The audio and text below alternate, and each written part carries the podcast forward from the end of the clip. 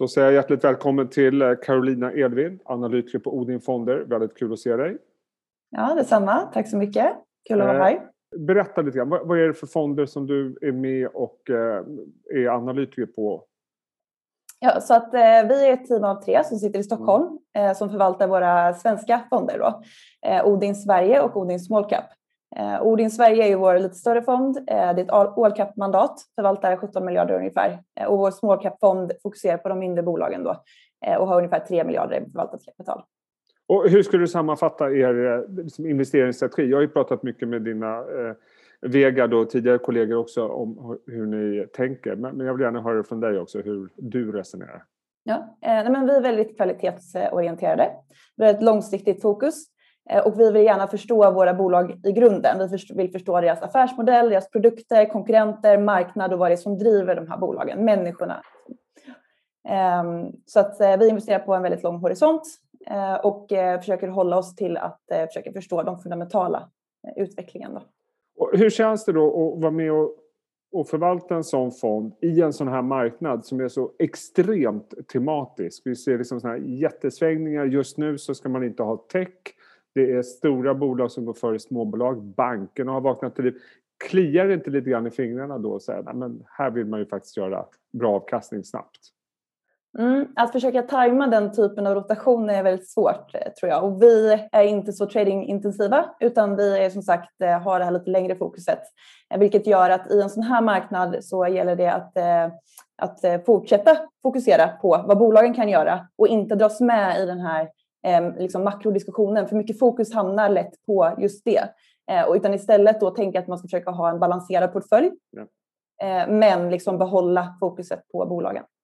Så om man tittar, det, det, finns ju ett par exempel på aktier som jag vet att ni äger som har vad ska man säga, drabbats eller påverkats av de här svängningarna, gått eh, svagare sista tiden. Det är dels eh, så är det finska Admicom och så är det svenska Biotage. Jag tänkte att vi skulle prata lite grann om varje bolag. Men, men rent generellt, när, när de faller så, är det sådana aktier ni kan liksom öka er positionering i? Eller försöker ni vara lugna även där och inte slängas in i förhastade beslut?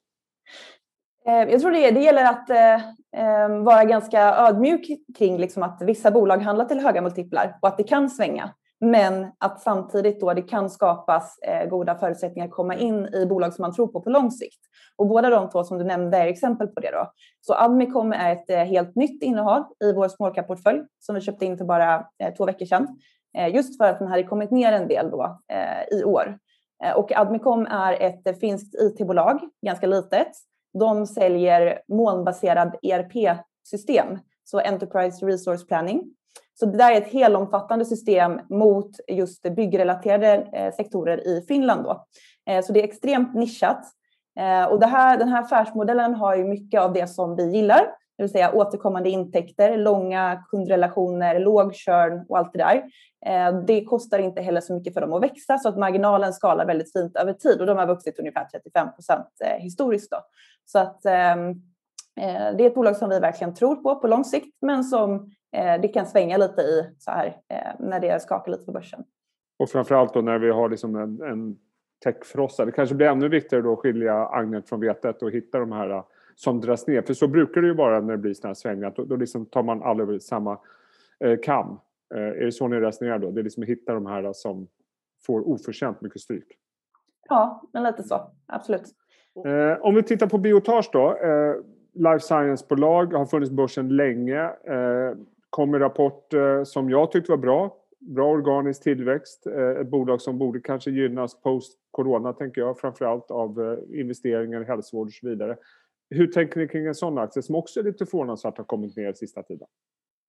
Ja, jo, nej, absolut. Ehm, så som jag ser på Biotage så är det ju en ehm, det är ett bolag som är lönsamt inom den här sektorn. Så det är stabilt och lönsamt, det är en exponering mot life science utan att behöva ta binär risk. Det som de gör är ju, eh, de är en verktygslåda kan man säga.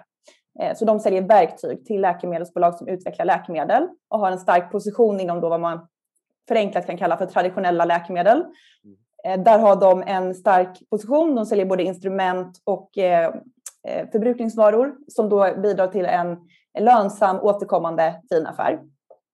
Det som är intressant här är att man för något år sedan gjorde ett förvärv inom vad som kallas för biomolekyler. Och nu har man även då en eh, produktlansering på gång i vår inom det området. Och utmaningen där har lite varit att eftersom att det är en större, mer känslig molekyl så är den svårare att hantera eh, och det, finns, det är brist på automatiserade sätt att eh, utveckla och tillverka den typen av läkemedel. Då. Och det är på det temat som Biotage släpper en produkt. Så det här är egentligen början på någonting som kan bli väldigt stort för Biotage på lång sikt som, vi, som är spännande att följa då. Sen så är det också ett bolag som har nettokassa nu och då väldigt bra förutsättningar att eh, göra ytterligare förvärv och stärka sin position i de olika nischerna som de är närvarande. Då. Så att bra organisk tillväxt redan innan den här lanseringen som kan ge ytterligare kommersiell potential lite längre fram. Det låter Precis. som en väldigt intressant resa. Ja, kul att se. Det var väldigt länge sedan jag pratade biotage med någon, men, eh, värd att eh, uppmärksamma. Du, du, du, sa det också det här med långsiktigheten som är otroligt viktigt för er. Det har jag hört dig och dina kollegor prata om tidigare.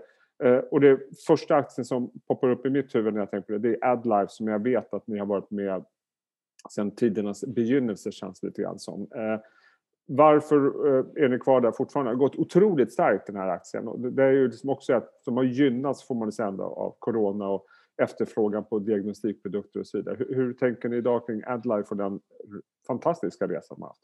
Mm. Nej, absolut. Vi, um, AdLife är, är lite kul för att eh, när fonden startade 1994 så ägde vi eh, Bergman och Beving och vi har ägt eh, och det blev ju senare både Adtech, AdLife och Lagerkrans. Och vi äger faktiskt alla tre fortfarande i eh, Sverigeportföljen.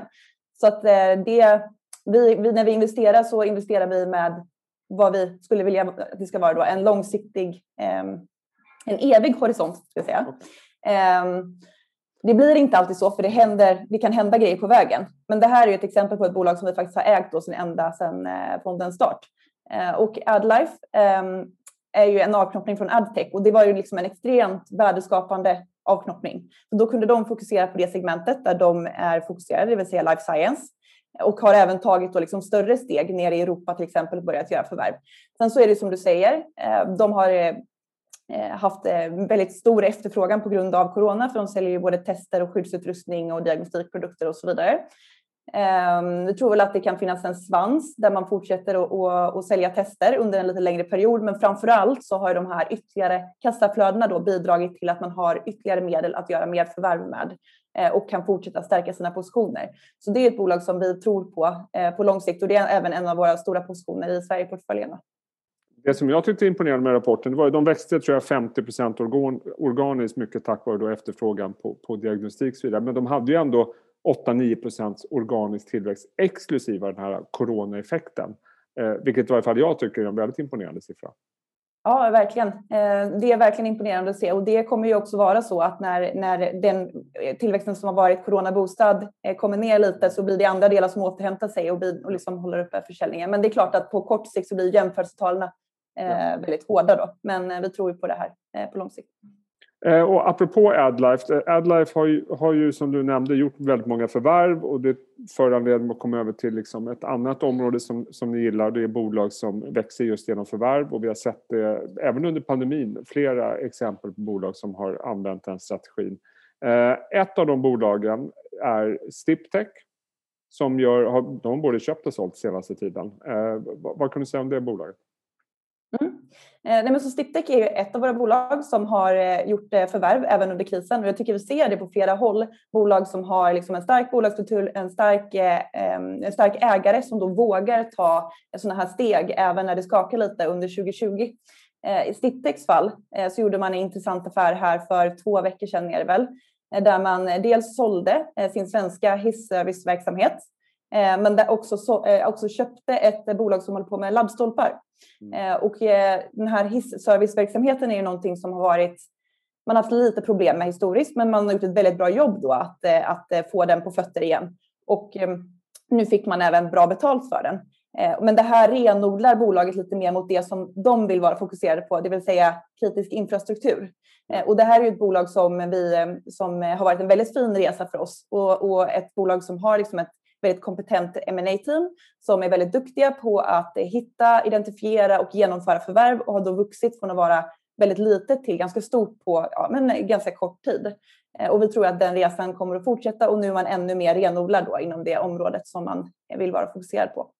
Jag har pratat med förvaltare tidigare om Stiptech och, och det de nästan samtliga lyfter fram det är att Stiptech, eh, och du nämnde deras ma verksamhet det är att de är extremt noggranna Eh, när de analyserar och utvärderar eh, möjliga förvärvsobjekt. Mer än andra liknande bolag som kanske är lite mer impulsiva utan att nämna några namn. Håller du med Absolut. om det? Eh, jo, men eh, jag håller med om att de är väldigt duktiga på att göra förvärv. Ehm, och att göra förvärv det är liksom inte ett själva ändamål i sig utan det behöver vara bra förvärv. Man behöver vara duktig på det och just det är Stiptech tycker vi. Okay. Eh, avslutningsvis Karolina, jag, tänkte, eh, jag, jag, brukar få kritik ibland eh, av våra tittare för att jag brukar klaga på att börsen är så högt värderad eh, på väldigt många håll och kanter. Men du menar att det finns eh, aktier som inte är så högt värderade. Eh, och du har ett par exempel. Eh, berätta, vilka är det? Ja, eh, nej men som sagt, jag, jag är ödmjuk för att eh, multiplarna är höga på sina håll och jag är liksom en förkärlek för tillväxtbolag. Eh, och det är klart att kvalitet och tillväxt ofta går hand i hand med lite högre multiplar. Men det går faktiskt att hitta bolag som har en, eh, en bra vinsttillväxtprofil över tid, eh, men som värderas under börsen som helhet. Och vi har exempel på det i, våra, i vår Sverigefond där vi äger både Dustin och eh, AQ Group som båda handlas till multiplar under börsen som helhet. Men om man tar det lite Eh, bredare vy har en bra vinsttillväxtprofil över tid. Då. Eh, och ta AQ som exempel är ju en underleverantör till, eh, till många industribolag. De har vuxit historiskt genom förvärv. Ehm, sen så har man under 2020 fokuserat mycket på lönsamhet och man kom med en jättefin rapport här i Q4 där vinsten nästan dubblades. Men nu står man med väldigt starka finanser och har mycket förutsättningar att komma igång igen med förvärvsmaskinen. Då. Eh, så eh, det ser väldigt spännande ut här framöver tycker jag. Eh, och även Dustin är ett sådant bolag som av olika anledningar handlas till lite lägre multiplar nu, men som har vuxit fint över tid och ligger rätt i liksom online offline skiftet och har ett väldigt starkt varumärke då bland små och medelstora bolag. Och där börjar tillväxten komma tillbaka och marginalen stabiliseras och tror man att de kan liksom växa sitt serviceutbud och göra lite förvärv över tid så tror vi det där kommer bli ganska bra då. Det här är två bolag som, som har gjort det bra. Båda kom med bra rapporter. Eh, det var bra organisk tillväxt i den här marknaden. Eh, varför har handlats om till en rabatt? Finns det något speciellt skäl eller är de bara liksom dåligt analyserade eller bortglömda? Eller hur skulle ni förklara det? Ja, nej men båda två skulle jag nog klassa in som bortglömda bolag eh, av börsen. Um, Dustin har haft ett par år med lite tuffare utveckling. Eh, man satsade på den här servicedelen då och jag tror att eh, jag har följt det bolaget ganska noggrant eh, under många år ehm, och jag tror att man överskattade lite hur snabbt det där skulle gå och man la lite extra kostnader och sådär. Men, men nu så tror jag att man är på rätt bana igen och, och lite samma i AQ då som har gjort väldigt mycket bra de senaste åren men kanske inte haft samma tillväxt som historiskt. Då. Spännande. Kul att se dig Caroline. Jag hoppas vi kan ses på riktigt snart. Gärna innan sommaren någon gång tar vi ett nytt samtal. Eh, sköt om det och tack för att du var med. Ja, men detsamma. Tack så mycket. Ha det bra. Tack.